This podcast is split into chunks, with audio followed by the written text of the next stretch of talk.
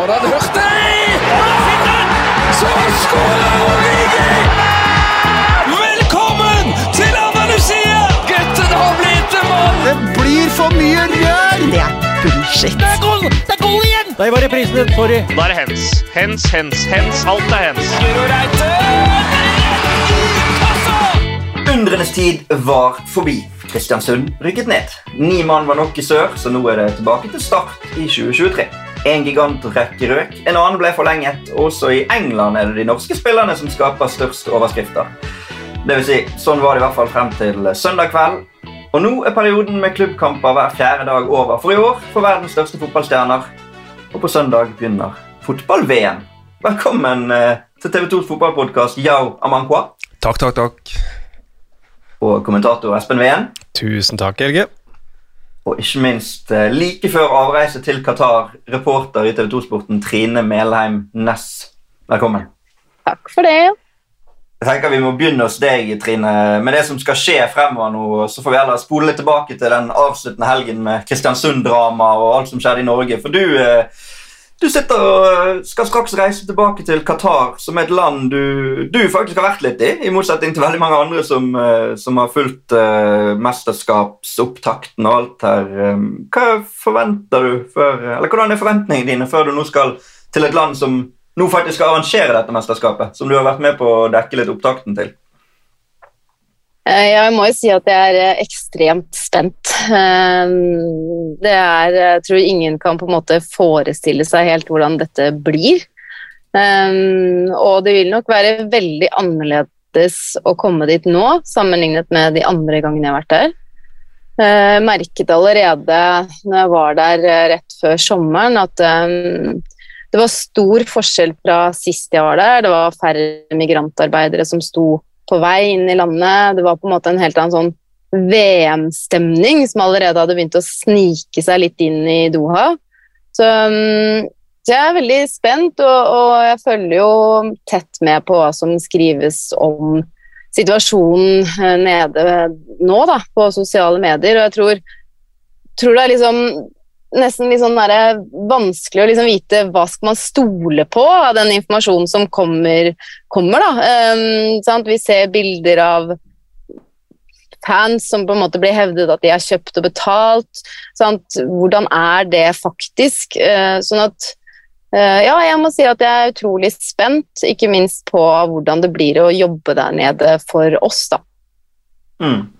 Vi er jo mange som skal nedover der i forskjellige roller. Eh, Du skal jo ikke stå på indrebane og rapportere om det som skjer eh, mellom eh, Tyskland og Spania. Det er ikke det som er din jobb der nede, Trine. Men hva, kan du si noe om hva folk kan forvente av TV 2 sin dekning i Qatar under fotball-VM? Det er jo noe som det snakkes veldig mye om i Norge. Det har aldri vært så mye snakk om hvordan mediene dekker ting, eller hvordan de ikke dekker ting, som det er akkurat nå.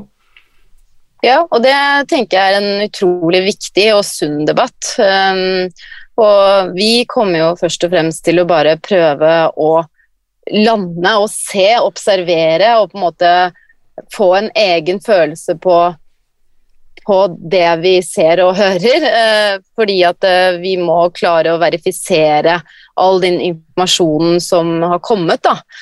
Uh, og som kommer hele tiden. Sånn at jeg tror at i første omgang så tror jeg at um, seere og lesere må på en måte tenke at nå skal vi prøve å servere et slags uh, inntrykk uh, fra hva som rører seg. Um, og prøve, at vi skal prøve å være på ballen hele tiden uh, for å kunne verifisere den informasjonen som, som kommer. Um, prøve å fange opp hvis det skjer ting som protester, hvis det er, faktisk er sånn at uh, fans blir uh, kjøpt og betalt. Um, hvis det på en måte er ting som, som skjer med, med, også journalister som prøver å dekke mesterskapet. Om det er um, ja, type markeringer eller uttalelser fra spillere, fra trenere. men jeg tror primært på en måte det blir å og på en måte følge opp det vi allerede har omtalt ganske bredt. Da. Uh, som både er liksom situasjonen utenfor banen, uh, og at det blir selvfølgelig veldig sentralt å følge det sportslige. Mm.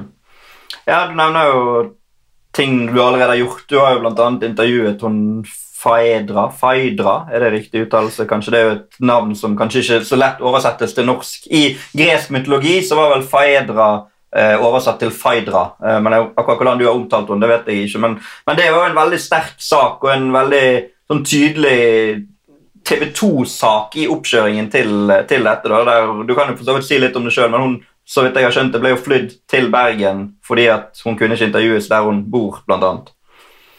Uh, ja, uh, Fidra, som uh, Fidra.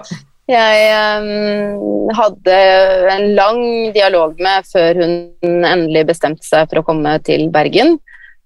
som har jo en veldig spesiell historie. Hun er jo en av to varslere som har vært ganske sånn, bredt omtalt internasjonalt, i hvert fall, i forbindelse med Fifa sin egen granskingsrapport og, og på en måte um, alt det som som skjedde rundt avsløringene med Fifa-toppene. Så hun er jo en del av en, av en, større historie, men hennes historie er jo også veldig personlig og, og privat.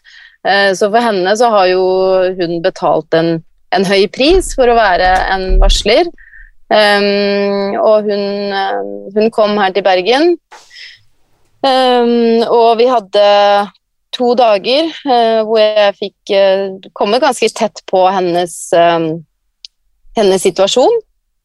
Um, og det er jo Altså, det er jo veldig sterkt å høre hennes uh, opplevelser av hvordan det har vært å være kanskje primært en varsler da, i, i Fifa-systemet, men også hvordan det er å stå som alenemor med en sønn som er sterkt handikappet. Um, og være nesten helt uten forsvar uh, mot uh, et av verdens rikeste land og, og det store Fifa-systemet. Så, så, det er jo på en måte en liten historie i den store historien. Um, og jeg håper i hvert fall at, at den saken klarer også å belyse litt at det er jo enkeltpersoner dette handler om. Både valgene enkeltpersoner har tatt, men også konsekvensene de ulike handlingene har fått for for enkeltmennesker i en veldig mm. sårbar situasjon.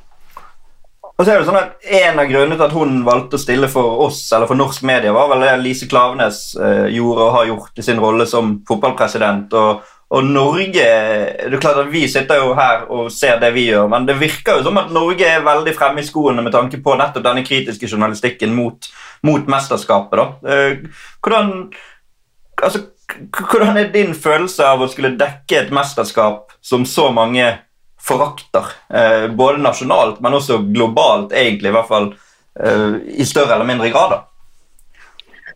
Uh, ja, det, jeg syns det er kjempekrevende. Jeg skal ikke legge skjul på det. Uh, det er veldig mye forventninger som ligger både til TV 2, som er rettighetshavere, men også til oss journalister som skal være der nede og, og skal ivareta samfunnsoppdraget. Uh, og så vet vi jo at det er uh, veldig mange begrensninger som, som ligger på oss. Um, og det er derfor kanskje jeg er såpass spent som jeg er, da, fordi at jeg vet ikke Jeg klarer ikke nå å si hvordan det handlingsrommet kommer til å bli. Um, og da tenker ikke jeg både, bare på vår, altså journalistene sin risiko, men jeg snakker også om kilders risiko ved å snakke med oss. Um, så man kan jo på en måte se for seg at dette blir et mesterskap der hvor Fifa holder litt sånn paraplyen over oss journalister, sånn som det har vært uh, litt tidligere, bl.a. i Russland-VM. Men man kan også se for seg at det blir helt annerledes. Eh, at det blir um, mye mer um, trykk rundt det, og at um, både myndigheter og qatarsk VM-komité ønsker å, å stilne på en måte, kritikken kanskje primært fra vestlige medier. så og, og, man ser jo noen av de signalene som kommer fra Fifa når de bl.a. da uh, hindrer Danmark i å stille med de draktene eller de oppvarmingstrøyene som de har um, planlagt at de skal gjøre, som har jo vært en, en slags protestmarkering. Um, så jeg tror ikke åpenheten kommer til å være veldig stor. Um, og desto vanskeligere blir jo da arbeidsforholdene for, for oss. Mm. Du snakker om risiko, men kjenner du også på noe frykt? Er det noe som går an å relatere til? Eh, du legger jo på en måte hodet litt på blokken som internasjonaljournalist. Altså Den eh, saken om varsleren ble jo annet laget også i en engelsk versjon på våre nettsider. Det er ikke ofte vi gjør det eh, i TV 2. Jeg kjenner absolutt på en frykt. Det skal jeg ikke eh, nekte for. Eh, og det Jeg tror det er en sånn kombinasjon av at det er mye forventning til hva vi skal gjøre, eh, men også det at, man, eh, at det er en risiko, en personlig risiko eh, ved å reise ned dit og prøve å utfordre det narrativet som serveres. og så tror jeg man hele tiden har de etiske vurderingene med seg. Det er en frykt for å sette kilder i en risikabel situasjon som man kanskje har vanskeligheter med å vurdere der og da, da hvilke mm. valg man skal ta. og um, ja, det er, um, det er, mye følelser knytta til det å reise ned dit. Det er det. Mm. Ja, det er veldig bra, Trine. Du må ha, du må ha masse lykke til. Og så er det sånn Vi skal ha VM-podkast, eller Yao skal holde i, i fotballpodkasten under VM. Eh, og ja, du, du, har jo ytret et ønske om å få med bl.a. Trine underveis der, i hvert fall en eller to ganger. Det har jeg. Jeg tror det er Altså, for alle de som følger både med på alt rundt VM, og som skal se, som skal se kamper etter hvert, så tror jeg i og med at det er i Qatar, så er det fremmed for mange. Veldig vanskelig å forestille seg. Sånn at det der å få på dere, Trine, som er der nede, eh, og, og er der hver dag, se, kan formidle litt hva som foregår der nede, hva som skjer, hvordan det er rett og slett å være der. Det tror jeg er noe som mange kommer til å kunne sette pris på, for å kunne få litt mer forståelse av hva som rører seg. Og så bare lurte jeg på kjapt sånn Sånn som f.eks. dette eksempelet med de eh, supporterne som vi plutselig så noen videoer av flere uker før VM begynner. Så er det supportere som ser ut som eh, Ikke som de er fra de vertsnasjonene de da går med drakter og og det er jo veldig Jeg tenker i hvert fall at det ser ut som betalte eh, supportere som bare er der for å spille inn disse videoklippene. Men for deg, da, som reporter som vanligvis skal dekke det som skjer, i hvilken grad For det at dere kommer jo til å få servert et PR-produkt, og, og, og, Qatar kommer til å ønske også dekke det på sin måte.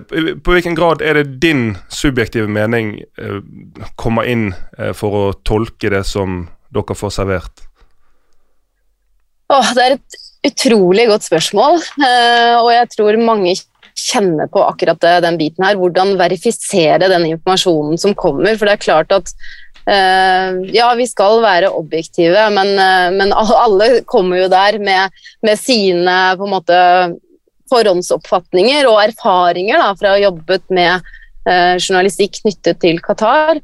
Uh, og akkurat det eksempelet du nevner med disse fansene, så, så ser jeg jo det er det er en ekstrem informasjonskrig på sosiale medier hvorvidt disse fansen er um, autentiske da, eller ikke. Og det er spørsmålet hvordan skal man klare å verifisere det? da tenker jeg det at uh, man må bruke de kildene, det kildenettverket man har opparbeidet seg. Man må ut og snakke med dem. Ehm, man må rett og slett oppsøke de situasjonene hvor man tenker at her kan man hente mer informasjon som kan kanskje belyse saken i større grad. Da. Ehm, fordi ut fra den, de feedene som kommer nå, så syns jeg i hvert fall det er veldig vanskelig å sitte i Norge og si hva dette er, og hva dette ikke er.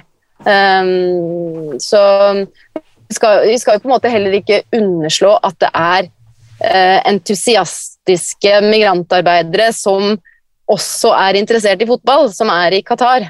Um, så er spørsmålet har de blitt betalt for å kjøpe seg uh, supportereffekter og late som at de er uh, autentiske fans, eller er det ikke det? Um, og i hvert fall så tenker jeg at det er for tidlig for meg å svare på, på det.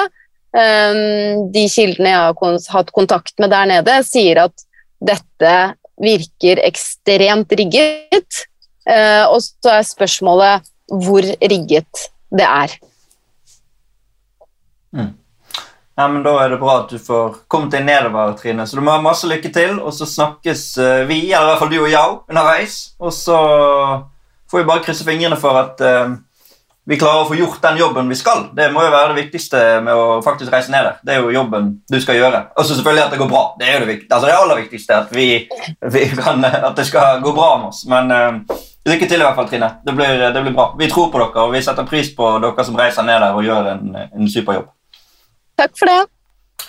Da var det takk til Trine, og um, kan jo minne om det da, ja, at uh, denne saken med hun varsleren den ligger jo på TV2 Play, så den går jo an å gå inn og se hvis man vil. Jeg tenker Det var bra at vi begynte med deg, sånn at vi fikk på en måte satt litt standarden for det som skal komme fremover når du skal holde i det som vi håper blir daglige VM-podkaster. Man kan jo ikke garantere noe, for vi vet ikke hvordan forholdene blir og sånn underveis, men det er i hvert fall målet at du skal kunne ha dialog med våre folk i Qatar underveis. Ja, det, det er det. Og så er det jo både de som skal dekke fotballen, og så er det eh, nyhetsjournalistikken og de folkene som er der nede. Og så som sagt så tror jeg at det er veldig fint å kunne på disse daglige episodene få snakket mye med de som faktisk er der nede. For det at én ting er jo det som blir fremstilt i media, sosiale og usosiale medier, men å høre fra de som er der, hvordan er det faktisk, hva er det som skjer, hvordan tolker dere det som skjer, det gleder jeg meg til. Absolutt. Uh, for å snu helt på alt uh, og spole tilbake til det jeg begynte med i introen. Eliteserien 2022 er over, og det uh, skjedde ikke uten dramatikk, eh, ja, for du var en av de som satt i studio der i går i vår litt sånn utvidede fotballrundesending, siden det var siste, siste kamp uten rettighetene for en stund. Og det så jo lenge ut at skulle gå som du hadde spådd, og at Sandefjord skulle ryke og, og rykke ned, men så skjedde det noe helt vanvittig der i sluttminuttene. Ja, helt vanvittig. Det var eh, Men det var Vi satt jo og fulgte med på alle disse kampene, så så vi oppe i Kristiansund at eh, KBK kom unna tidlig mot Jerv, men så slo de tilbake igjen og så bare bedre og bedre ut. Og så, men så er det akkurat som når eh, eh, Sandefjord da ligger under 2-0. Så ser du KBK blir veldig feige, og så når Sandefjord skårer 2-1, tror jeg KBK eh, litt i tvil. Og så Altså, det ble en sånn eh, Hva skal du si Litt eh, feig eh, tilgang av KBK som jeg veldig veldig sjelden har sett lykkes i fotball. Altså det Både på landslagsnivå, på klubbnivå. Det der som lag og enkeltspillere med å bli litt sånn feig og hvis sånn, så sånn, om, men, at, tabell Det funker eh, veldig, veldig sjeldent. Det er bedre å bare banke på, så fordi at om du kjører på da, i KBK sine sko kjører på, og så om det ikke skulle gå eller det skulle bli en eller andre veien, så kan du i hvert fall se tilbake. Men nå tror jeg de KBK ser tilbake er bitter, men Sandefjord de eh, Det var jo ekstremt imponerende. Og så til slutt da Kurtovic som eh, vender opp og setter den mellom beina, litt heldig, på en Haugesund-spiller, og sender en ellers eh, Altså Sandefjord det er jo ikke den byen eller release arena, den stadion der det koker aller mest, men da var det, da var det ordentlig kok der på slutten. Men det er jo så, altså KBK de ligger under streken da fra runde tre i vår. Ligger KBK under streken. Helt til da plutselig er de på kvalikplass i en time i siste serierunde. Altså, og da, da, da er det plutselig de som har noe å tape. Og da blir de Akkurat redde. Det er det som du sier. Akkurat sant? det der, Altså, det der med og, og alt de trenger å gjøre altså i hermetegn For det at Jerv, det, selv om de rykker ned klink som sist, og sånn, men det er ikke noe dårlig fotballag. altså Jerv, de, de, Jeg har sett eh, lag som rykker ned, som veldig mange kamper presterer mye svakere enn Jerv, men likevel, alt KBK trengte å gjøre Altså På hjemmebane, fantastisk ramme rundt det hele. Når vi ser hvordan eh, det gikk, og spesielt hvordan det begynte, og Sandefjord fikk en uavgjort. Men det de trengte å gjøre, var å vinne kampen. Og det klarer de altså ikke. Fordi at de blir feige, de begynner å analysere, de begynner å overtenke, rett og slett. Det, den tror jeg kommer til å være ufattelig bitter. Og ja, de har ligget under streken nesten hele sesongen, men nå var de inne i en sånn flyt at jeg var sikker Jeg hadde stor tro på at de skulle klare den kvalikplassen, og jeg tror de hadde steintroen på det sjøl. Jeg så ansiktet til Christian Michelsen etter, i sluttminuttene der, når de begynte å gå mot de, og, og etter fløyten gikk. Det så ut som han nesten var litt i sjokk, for jeg tror han hadde en veldig veldig god magefølelse før, før eh, gårsdagens runde òg. Så synes jeg også det intervjuet med Dan Petter Ulvestad på pitch der, eh, eller på gresset, for vi er jo i Eliteserien, eh, er brutalt ærlig, og han er, går jo ganske langt i å antyde at ja, vi blir for feige. Vi burde gjort noe, noe annet her. Så, så er det den der, I alle de situasjonene her hvor, de, snakkes om at nei, spillerne på banen de skal ikke få beskjeder, og sånn, men de får jo klart de får jo beskjed, de veit jo hva som skjer. Uh, så Jeg så et spørsmål her på Twitter også som jeg synes var interessant. Det var retta til deg, ja, så jeg kan jo videreformidle det. Men altså, hva skjer psykologisk når du på en måte plutselig har noe å tape. da, Etter at alt å vinne egentlig siden juli, så har de plutselig noe å tape. Så det, du, det er nevnt feighet. altså Blir man uh, reservert? Blir man redd for å gjøre feil? altså de greiene der? Det har jo, altså I idrettspsykologien så er jo det snakker man om press, og så ser man at uh, den situasjonen mellom å, å ha Altså at det er en situasjon med stort press som betyr veldig mye, og når du da føler at du har noe å tape, du føler at Eh, du dummer deg ut hvis du eh, gir dette her vekk, og du på en måte har noe å forsvare. Så mm. kommer du på defensiven, og istedenfor å altså det, det, er jo et uttrykk som brukes ofte fremme i skoene, men det er jo nettopp det mm. du ønsker å være for å kunne spille god fotball. Å være fremme i skoene og, og tørre å ta med deg ball eh, gjennom ledd, og tørre å spille kanskje den litt risikable pasningen. Tørre å ha ro nok til å spille på deg press for å kunne spille fri en ny mann. Med en gang du Eh, føler at du har noen forsvarere og kommer på defensiven og begynner å tenke konsekvenser, så tør du ikke. Det tar du kanskje litt vel enkle valg, og du blir litt vel forutsigbar. Kanskje du blir passiv. Altså, du Ja, du blir på hælene, da. Mm. Og det der Vi ser det så ofte, gang på gang på gang. Jeg føler jo litt at det var og Det har jo jeg sagt, at det var litt det samme med uh, Norge sitt landslag nå sist i Nations League mot eh, Serbia spesielt. At du har mer å tape enn du kanskje innbiller deg at du har å vinne, og mm. derfor blir det en sånn feig tilnærming til mm. kampen.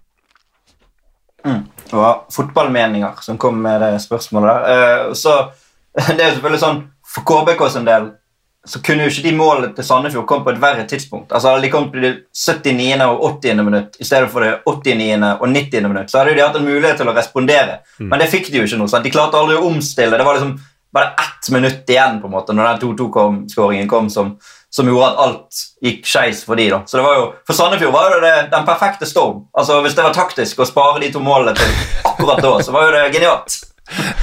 Det tviler jeg på det var, men altså KBK de, Når de ikke klarer å vinne hjemme Når de får en sånn matchball, mm. og de ikke klarer å ta den til Smash, så har de ingen andre å takke enn seg sjøl, selv, selv om til og med dommeren på overtid av overtid Nei, på overtid, ikke på overtid av overtiden, for han blåste jo faktisk av før mm. overtiden var ute. Selv om dommeren klarer å albue Coly der på tampen, og så blåse av før overtiden er ute. Likevel så har de kun seg sjøl å takke. En av de verste startene i eliteseriehistorien, og, og likevel muligheten i siste kampen. Klarer ikke å vinne hjemme mot Jerv, som allerede rykket ned. Da blir det Obos mm. 2023 på de. Altså, gå, men jeg vil jo gi kreditt, og de går jo ned med altså, en, viss, en, viss, verdighet. For det er ingen, ingen i Kristiansund som klager på andre omstendigheter. Har, vi har bare oss selv å takke. Det er jo mantra, og det syns jeg er fint da, oppi det hele. At de, vi hadde muligheten sjøl. Vi skal ikke skylde på noen. Det er i hvert fall eh, det er inntrykket mitt.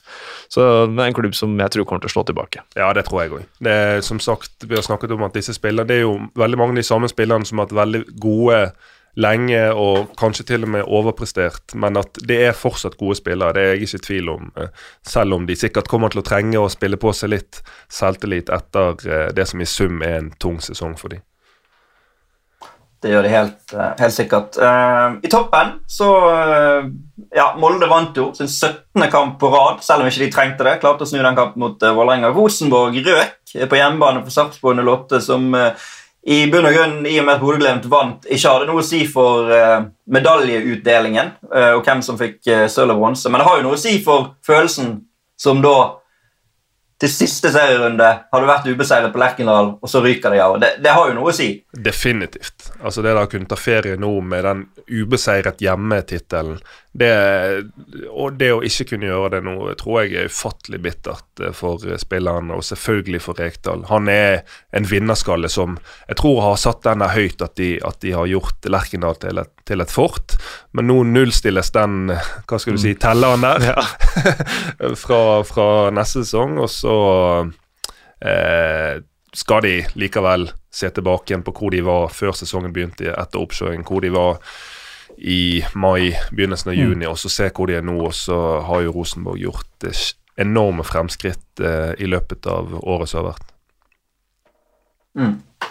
Jeg har fått et spørsmål fra Bjørn Rudshagen. her. Vi er på en måte litt inne på det allerede når vi snakker så konkret om ting, men han lurer på hvordan blir TV2 sin eliteseriedekning? Er det lov å håpe og ønske seg en egen eliteserie Obos-podkast som dekker hver runde à la indre bane? Uh, og jeg tenker egentlig Oppfølgingen på det kan det bli å stille spørsmålet fra Kristoffer Sten Johannessen. Hva er det viktigste HamKam og Ålesund må gjøre for å holde plassen i den vanskelige andre sesongen? Hvem synes dere har best utgangspunkt, stallen økonomisk og som klubb? Og da tenker jeg, Hvis du svarer på det, ja, så svarer du på en måte også på TV2s eliteseriedekning og seriøsiteten i den. Vær så god. Legg hodet på blokken. Nei, det, det svarer jeg gjerne på. Eh, bare for å fylle inn på det spørsmålet hvordan TV2 sin eh, dekning av norsk fotball blir, så er feelingen når jeg ser antall prosjektgrupper, antall møter vi blir innkalt til, det mengden av planlegging og mobilisering som skjer på huset nå, så er feelingen at den blir akkurat så massiv som det norsk fotball fortjener. Så der tror jeg folk har veldig veldig mye å glede seg til. Um, for å svare på det konkrete spørsmålet med HamKam og uh, Ålesund der. Så for Ålesund sin del, med LAN, uh, så og det så jeg de skrev om i, i lokalavisen der òg, så er det en vurdering de må gjøre, altså både som klubb, Kanskje Hvor mye innspill de skal ta fra publikum, det skal ikke jeg eh, vurdere. Men LAN kommer aldri til å bli den treneren som representerer en offensiv, sprudlende fotball. Det har ikke jeg noe tro på, selv om han kanskje er uenig i det. Og da må de som klubb finne ut av eh, veien med LAN, solide resultater. Eh, vi kommer til å kunne ligge stabilt i Eliteserien. Vi kommer til å kunne gjøre det år etter år. Men vi kommer sjelden til å underholde på hjemmebane. og hva kommer det til å gjøre med tilskuertall, entusiasmen i, i, byen? Det er vurderinger som de må ta, og, så må de finne ut av. For jeg mener det blir feil. Lan er den han alltid har vært, og det står enorm respekt av han som fagmann. Hans evne til å organisere laget. Hans evne Altså et Ålesund-lag nå som mistet både sin beste og sin viktigste sine to, Sin beste eh, Da tenker jeg på Mæte, kanskje den spilleren med eh, høyest potensial, og viktigste i, i Sigurd Haugen midt i sesongen, og likevel fullfører fullføre en veldig, veldig respektabel sesong. Så er det vurderinger som de må gjøre i forhold til skal vi gå for noe mer romantisk slash underholdende, eller skal vi, skal vi støtte oss på LAN sin litt mer pragmatiske, men veldig pålitelige tilgang. Så det er det jeg tenker om eh, Ålesund. Eh, om HamKam så kan jeg Skal ikke snakke for mye liksom, om enkeltpersoner og jobbsituasjonen, men jeg, jeg bare ser for meg, hvis jeg da Espen Olsen, og han eh, har heltidsjobb på, på, lokale NTG, eller har en heltidsjobb i tillegg til det å være sportssjef eh, for et HamKam som kommer til å ha en del utskiftninger, som kommer til å måtte gjøre, hente en del spillere hvordan en person skal ha kapasitet. Da håper jeg han har mye hjelp i mm. den sportssjefjobben sin, for det, det der tror jeg er beintøft. Og det har jeg nesten aldri hørt om, å ha, å ha en eh, full stilling ved siden av sportssjefjobben i en eliteserieklubb. Um, så for HamKam sin del så tror jeg, og det er kanskje et kjedelig svar, men jeg tror at en god nøkkel for de kan være også være blant de beste på å kartlegge Obos og på Snorligaen. Spillerne der har klink oversikt på de, for jeg tror det er der de kan gjøre best signeringer. Å hente Rilvan Hassan, ja han har spilt i Midtjylland, han har spilt en haug med kamper i Superligaen, men å hente spillere fra andre steder som har hatt en falende kurve i tre-fire-fem år, det, det har ikke jeg troen på. Så jeg tror at HamKam de har fått en fantastisk kultur der. Du ser hvor hardtarbeidende De har en gjeng som er ekstremt lojale mot kampplanen, selv om de heller ikke underholder noe sånn voldsomt. Men eh, å hente eh, spillere fra Obos og Post Nord som, syns, altså, som har drømt om å spille Eliteserien, og som er villig til å hogge av seg både armer og bein for å kunne spille eliteseriefotball på Briskeby, det tror jeg er veien å gå for de. Hvis det er var svar nok til vår kjære innsender. Det vil jeg absolutt tro at det var. Um, Benjamin Sars lurer også på om TV 2 skal dekke Eliteseriens treningskamper. Omtaler det som høydepunkt i norsk fotball, nemlig treningskamper. Uh, det kan jo ikke vi forskuttere nå, men vi håper jo på det, Espen, at vi skal få vist mest mulig i oppkjøringen også. For dere som skal kommentere Gilde, så er det jo greit å få noen treningskamper å kjøre seg inn på også, vil jeg tro. Ja da, det, vi, vi, håper på det. Uh, samtidig så er det også noe med uh, Hvis du tar andre ligaer, de, de, sommerkampene uh, de, Jeg vet ikke om jeg er helt, er ikke jeg, enig jeg er ikke helt enig med Benjamin her. At det, men jeg er nok sagt med et glimt i øyet eh, at det er høydepunktet de, de, i treningskampene. Men, eh, men jo da, vi, eh, det blir vel er det La Manga eller Marbella er det vel nå, Marbella. Marbella er det kanskje nå. Ja, ja, det er ikke så verst. Og så tror jeg det skal være en sånn eh, miniturnering i, i Sarpsborg eh, på et tidspunkt, med flere eliteserielag som skal spille en sånn tredagers eh, turnering der. Ja, og det er jeg veldig sans for, for det har hockeyen gjort av og til. Eh, På Hamar så har de samla sånn, eh, fire lag og så spilt over tre dager. eh, Så det blir intensivt og sånt noe. Det, den, den, der kan jeg være, følge Benjamin litt mer på at det, det er et høydepunkt, når det blir liksom litt sånn turnering og litt, litt feeling på det.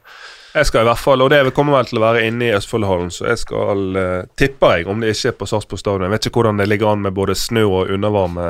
Nå er det jo ganske mildt nå når vi er her midt i november. Men uh, Og så er det jo et ønske fra flere parter om å, om å kunne dekke treningskampene, sånn som jeg har forstått det. Litt pga. å få kjørt inn Mm. VAR òg, som skal innføres uh, fra sesongen 2023. Det blir litt sånn uh, oppsummerende her nå, men det er jo, det er jo årets siste podkast. ordinær podkast, riktignok. Du skal ha VM-podkastene, men uh, Så da kan vi jo stemme én sportslig ting til fra Eliteserien. Det er jo at uh, godsetrenerne gir seg. Uh, snakket jo litt om det i går, dere. Hvem, hvem som kan komme inn der. Eh, Tom Nordli har vært nevnt. Vegard Hansen, som har et sterkt navn i, i Drammensområdet, og som bor i, i nærheten. Um, Eirik Mæland ble vel nevnt av dere som en mulig kandidat. Og han Ja, skal jo gi seg i Kongsvinger.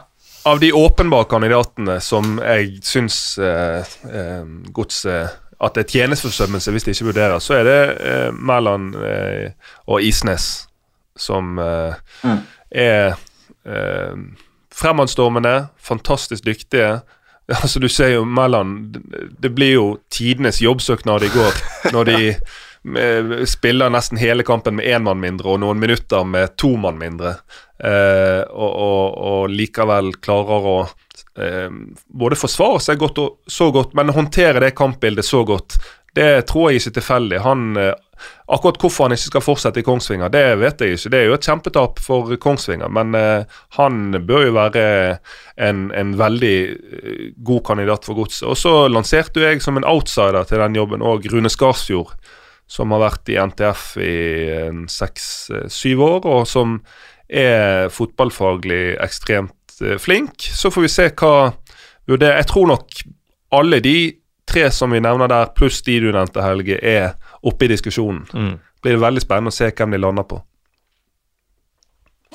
Absolutt. Jeg håper på Rikard Norling. Eh, vi skal også nevne at eh, ja, du var jo inne på det, at Kongsvinger eh, sto start. De har da slått Sandnes Ulf i Sandnes. De har slått KFUM i ja, riktignok på Intility, men i hvert fall i Oslo. Og de har slått Start i Kristiansand. Så er spørsmålet kan de slå Sandefjord over to kamper. Det er i hvert fall onsdag og lørdag på Play. Og det kan de vel. De er jo til og med i oppoverbakke. Sandefjord har fremdeles ikke vunnet siden juli, Espen. Nei, de, eh, de kan definitivt det. Nå, nå kommer jo Sandefjord også inn i det. Selv om de ikke vant den kampen, så kom jo Sandefjord inn i det med en litt sånn positiv eh, glød. da. Eh, Så det kan nok ha vært ikke, altså, det Målet til Kurtovic vel så viktig inn mot de to kampene som kommer mot Kongsvinger. Og så er det vel noen karantener, et par stykker hos, hos Kongsvinger også. Jeg vil jo tro at de tar med seg de røde korta inn videre der, men men eh, selvfølgelig kan Kongsvinger eh, klare det der, og da, da kan det jo bli Hedmark-derby eh, i Eliteserien. Og akkurat det er jo ikke å, å forakte, selv om ikke jeg skal fronte noen om hvem jeg vil skal rykke opp. Men som eh, oppvokst på 90-tallet, så, så er det noe spesielt med Kongsvinger og Ståle Bokalrud og Kjell Roar Kaasa og alle de gutta som var, som var oppi der i, eh, i, eh, i sin tid. Bjørn Arild Levernes, Dag Risnes. Vi kan, vi kan sitte en time og snakke om det Kongsvinger-laget på 90-tallet. ja, ja, Ole Einar Martinsen, altså. Uh, Kalle Francis, for ikke å snakke om, uh, han. Men uh, jeg, jeg holder Kongsvinger som, som knappe favoritter, eh, faktisk. Fordi de, de kommer med den voldsomme go-en, og etter å ha klart det de klarte eh, på Sør Arena, som eh, må være en eh, voldsom sånn eh, mobiliseringsfaktor. Ja, jeg eh, tror at det er et steintøft å møte Kongsvinger nå. Og så tror jeg for Sandefjord sin del Nå var det Kurtovic ble helten i går, men Hamed Singh kom inn, og de har jo savnet han når han har vært skadet. Han er ekstremt viktig. Og hvis han kan komme inn i disse oppgjørene med en sånn skikkelig revansjelyst, med en kropp som er frisk og rask, så tror jeg han kan være hvis Om Sandefjord skulle klare det, så tror jeg det er han som kommer til å være en viktig nøkkel i det.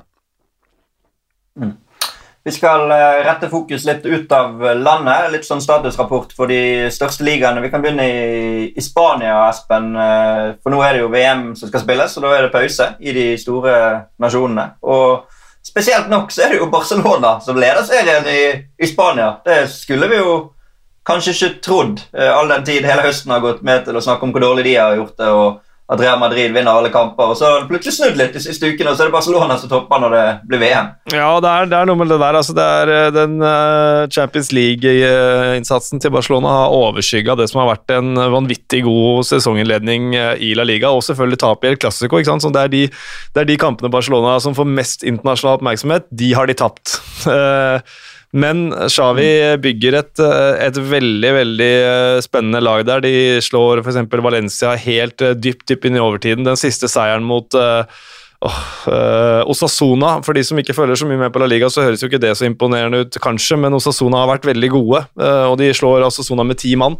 Uh, vinner den kampen der, så og leder vel La Liga med tre-fire poeng nå, så så I La Liga så har Barcelona vært, eh, vært veldig bra, og så har litt av eh, kritikken vært at de har ikke møtt de beste lagene, og når de har møtt dem, så har de tapt. Eh, men så har de slått uh, Villarreal og Atletic, som var i, var i god form også.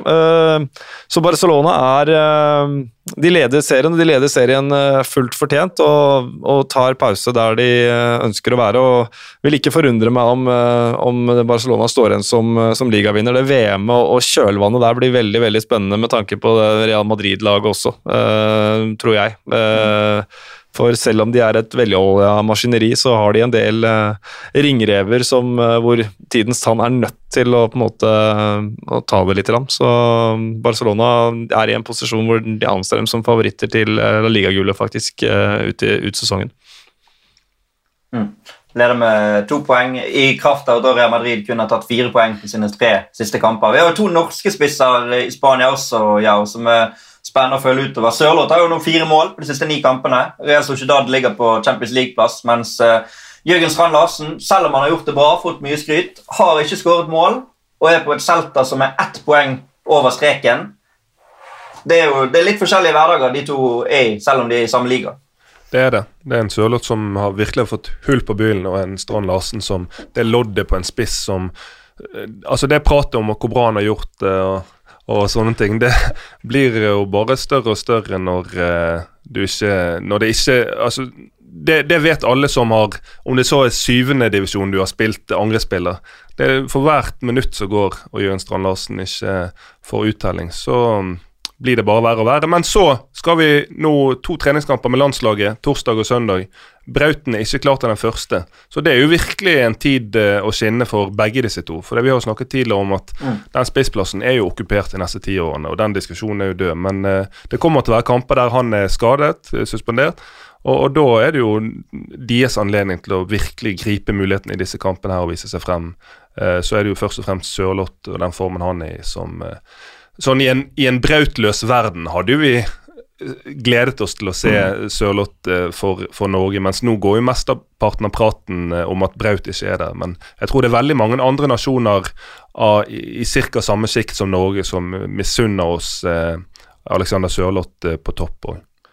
Og så er det jo sånn da, gutter, at La Liga tok pause i uh, midtuka, men det ble spilt Copa del Rey i uh, helga. Og da kan jeg si ifra om at uh, Alexander Sørloth skåra to. Jørgen Strand Larsen han har skåra for Celta nå. Ja. Han har det. Uh, Riktignok mot uh, ordentlig kokosmotstand, men uh, nå, har han, uh, nå har han fått skåringen sin. Uh, Jorge Playa, som de kaller han der. Men det kan jo være det som Ja, og det, det som er litt sånn bekymringsverdig, kan du si, det er jo at uh, Celta har fått ny trener, og Jørgen Strand Larsen starta den første, men starta ikke den neste, og kom inn i, i Copa del Reino. Og så tror jeg det er en fordel at, uh, at det er en pause nå, så, så Strand Larsen kan bli kjent med den nye treneren, og den nye treneren kan bli kjent med han.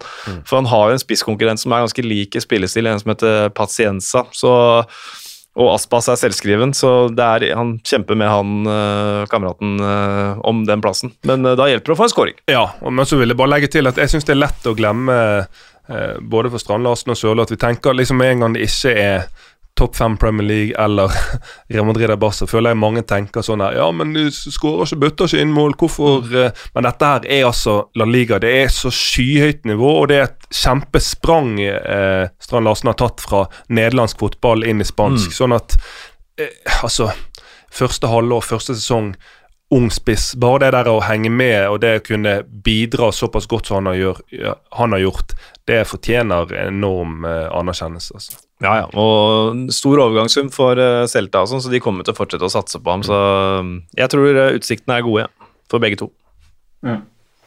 Absolutt. Eh, og så er det jo kanskje et i hermetegn problem at de blir sammenlignet med de som spiller i England. For der er jo det De to beste lagene i England har jo nå hver sin nøkkelspiller fra Norge. Eh, Martin Ødegaard og Arsenal eh, leder Premier League når vi går til VM-pause med fem poengs margin ned til Erling Braut Haaland og Manchester City. Braut Haaland har sjøl skåret 18 mål. Det er jo litt fint at han går til eh, Nå har han riktignok ikke spilt alle 14 kampene, men hadde han gjort det, så har han nå 18-14, som er veldig norsk eh, tallstatistikk å gå til VM-pause på. Men han har kun spilt 13 av de 14, men det får våge seg. Han har 18 mål etter 14 Premier League-runder. Det kan ingen ta meg på.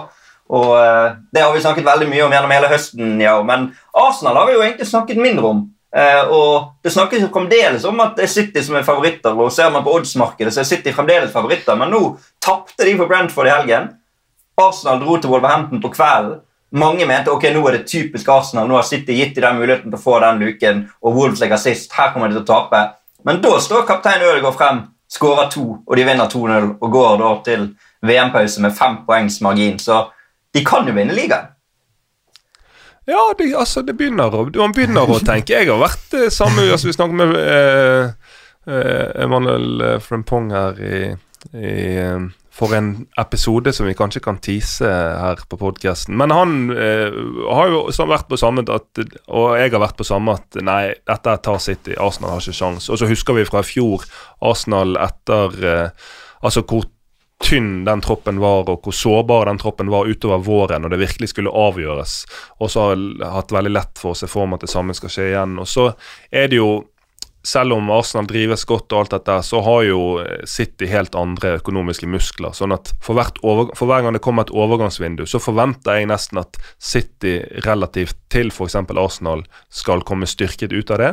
Men når du først får en sånn go, eh, et sånn miljø, en kultur, spiller som ja, de er gode hver for seg. En Gabriel Jesus som eh, er, er, er for all del en god spiller, men en fantastisk god Arsenal-spiller.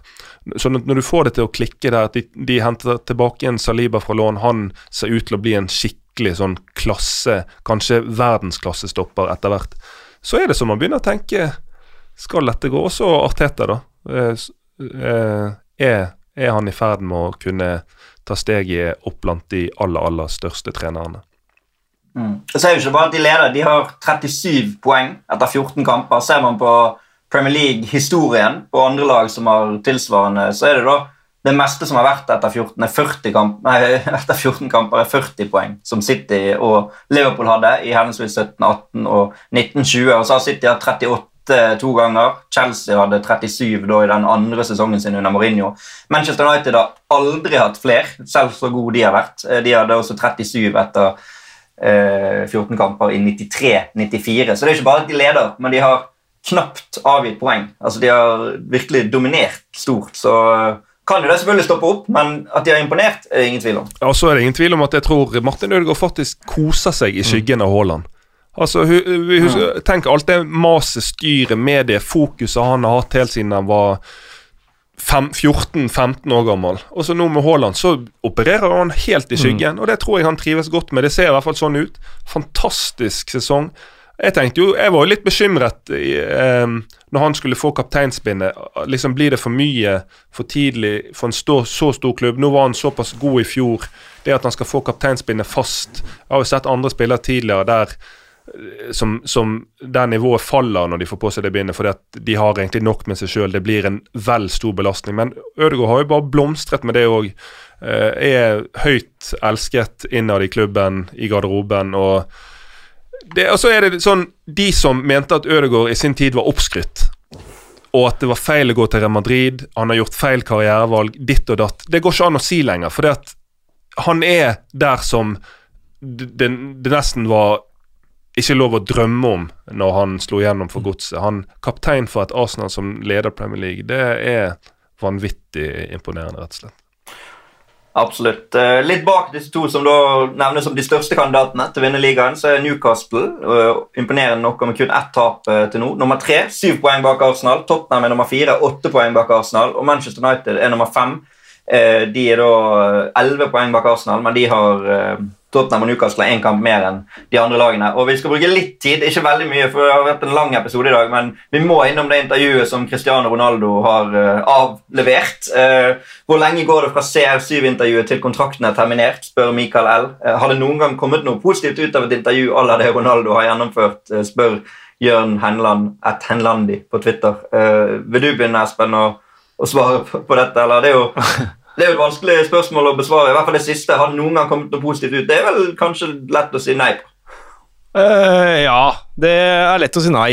Uh, nei, altså Det har vært eh, Nå er vi jo såpass utpå mandagen her at det er kommet noen bra krigstyper i, i, i, i mer enn allerede, og det, det er jeg syns trist ja, er, det, er det beste ordet her, sånn med tanke på statusen hans i klubben. Og Jamie Carragher som ute og sa at 99% av fanbasen til Manchester United støtter nok Erik Ten Hag, og det tror jeg, jeg tror nesten ikke at han 99,9, fordi eh, han har satt seg sjøl foran klubben i, eh, i, hele, i hele sommer og, og i hele høst. Det har bare vært eh, ene kjipe opplevelsen etter den andre, og så topper han det med, med dette her. og Det er ingen som tror på at han har blitt forrådt. Altså. Det, er, det, det er eh, en sannhet han, Det er hans sannhet, greit nok, men eh, det, er- det er ikke et virkelighetsbilde jeg tror veldig mange andre deler med han. Så at øh, at han skal drive og slenge med leppa hit og dit. altså at Han har oppnådd fantastiske ting, det, jo, det trenger vi ikke å, å gjenta engang, men eh,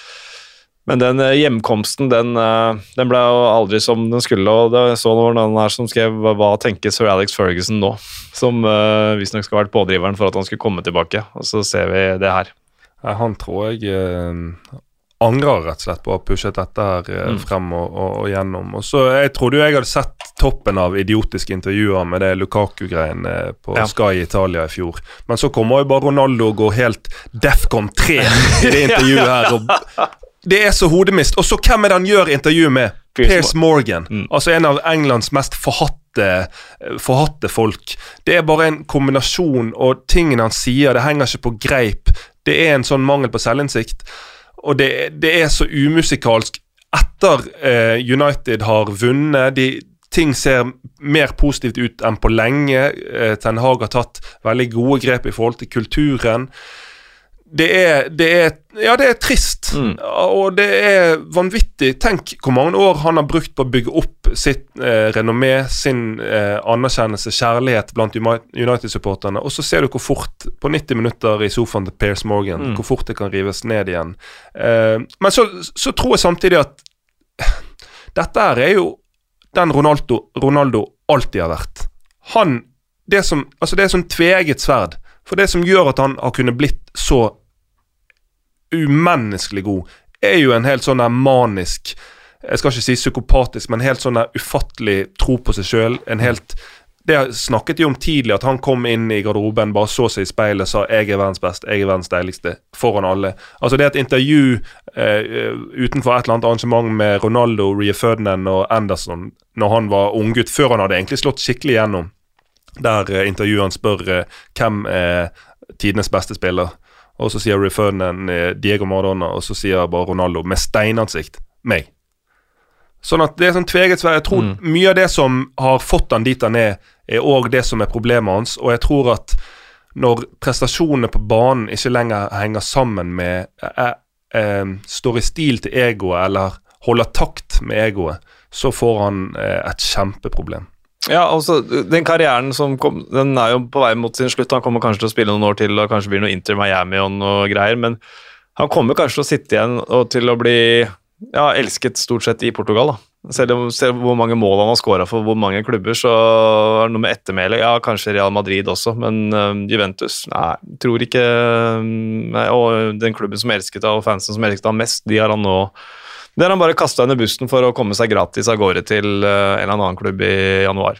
Det er håpløst. Vi får se hvordan ting utvikler seg med Cristiano Ronaldo fremover. Eh, før vi runder av engelsk fotball, kan jeg også nevne at eh, kun Charlton som er igjen av London-lagene i ligacupen etter en vanvittig eh, midtuke der eh, alle de gigantene røk ut. Liverpool holdt på å rykke ut, men klarte å redde seg inn eh, på straffekonk mot Derby. I Italia så er Napoli overlegen.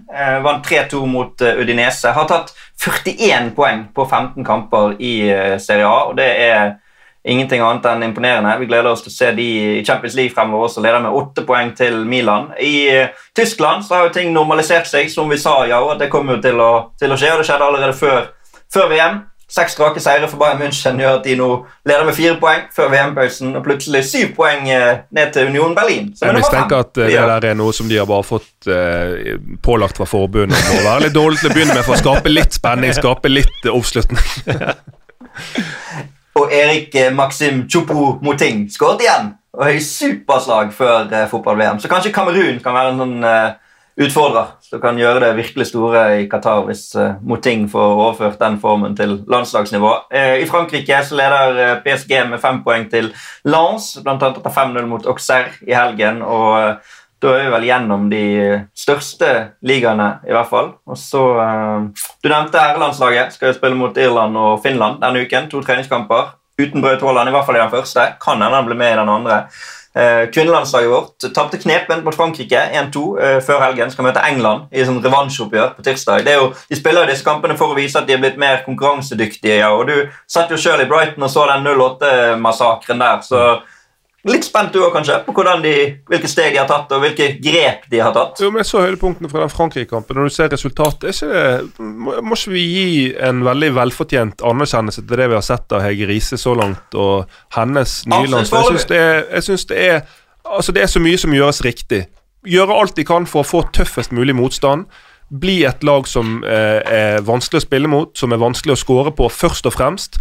Og så eh, med hun eh, Roman Haug som ser ut som eh, det neste store. Eh, ikke bare Hege Riise, men teamet rundt henne. Jeg syns det er veldig mange grunner til å være optimistisk, og jeg tror at de har fått seg en skikkelig reality check som gjør at eh, vårt eh, kvinnelandslag kommer til å være bedre forberedt på, i turneringer og, og mer konkurransedyktige i årene som kommer.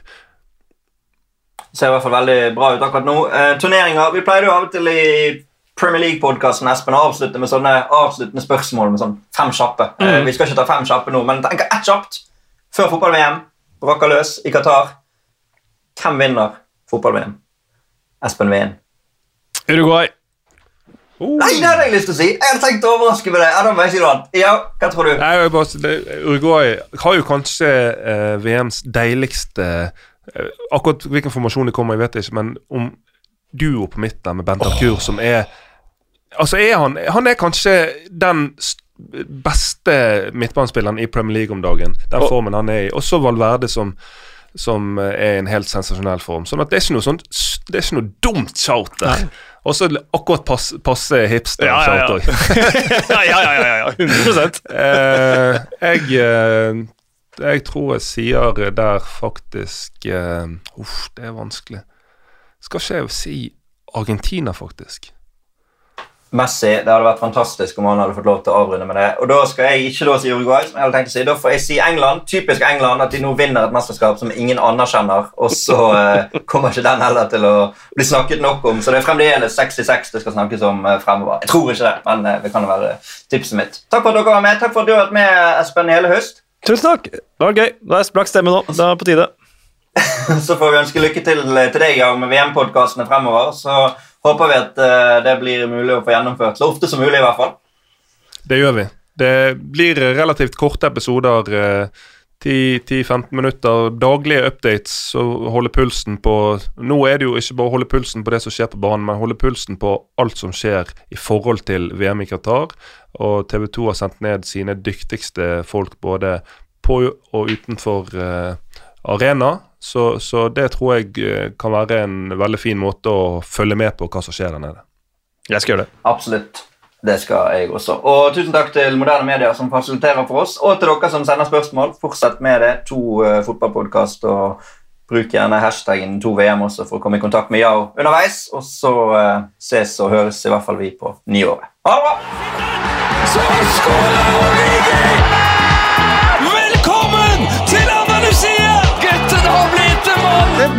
For mye rør! Det er bullshit. Det er goal! Det er goal igjen! Der var reprisen. Sorry. Da er det hens. Hens, hens, hens. Alt er hens. Guro Reite!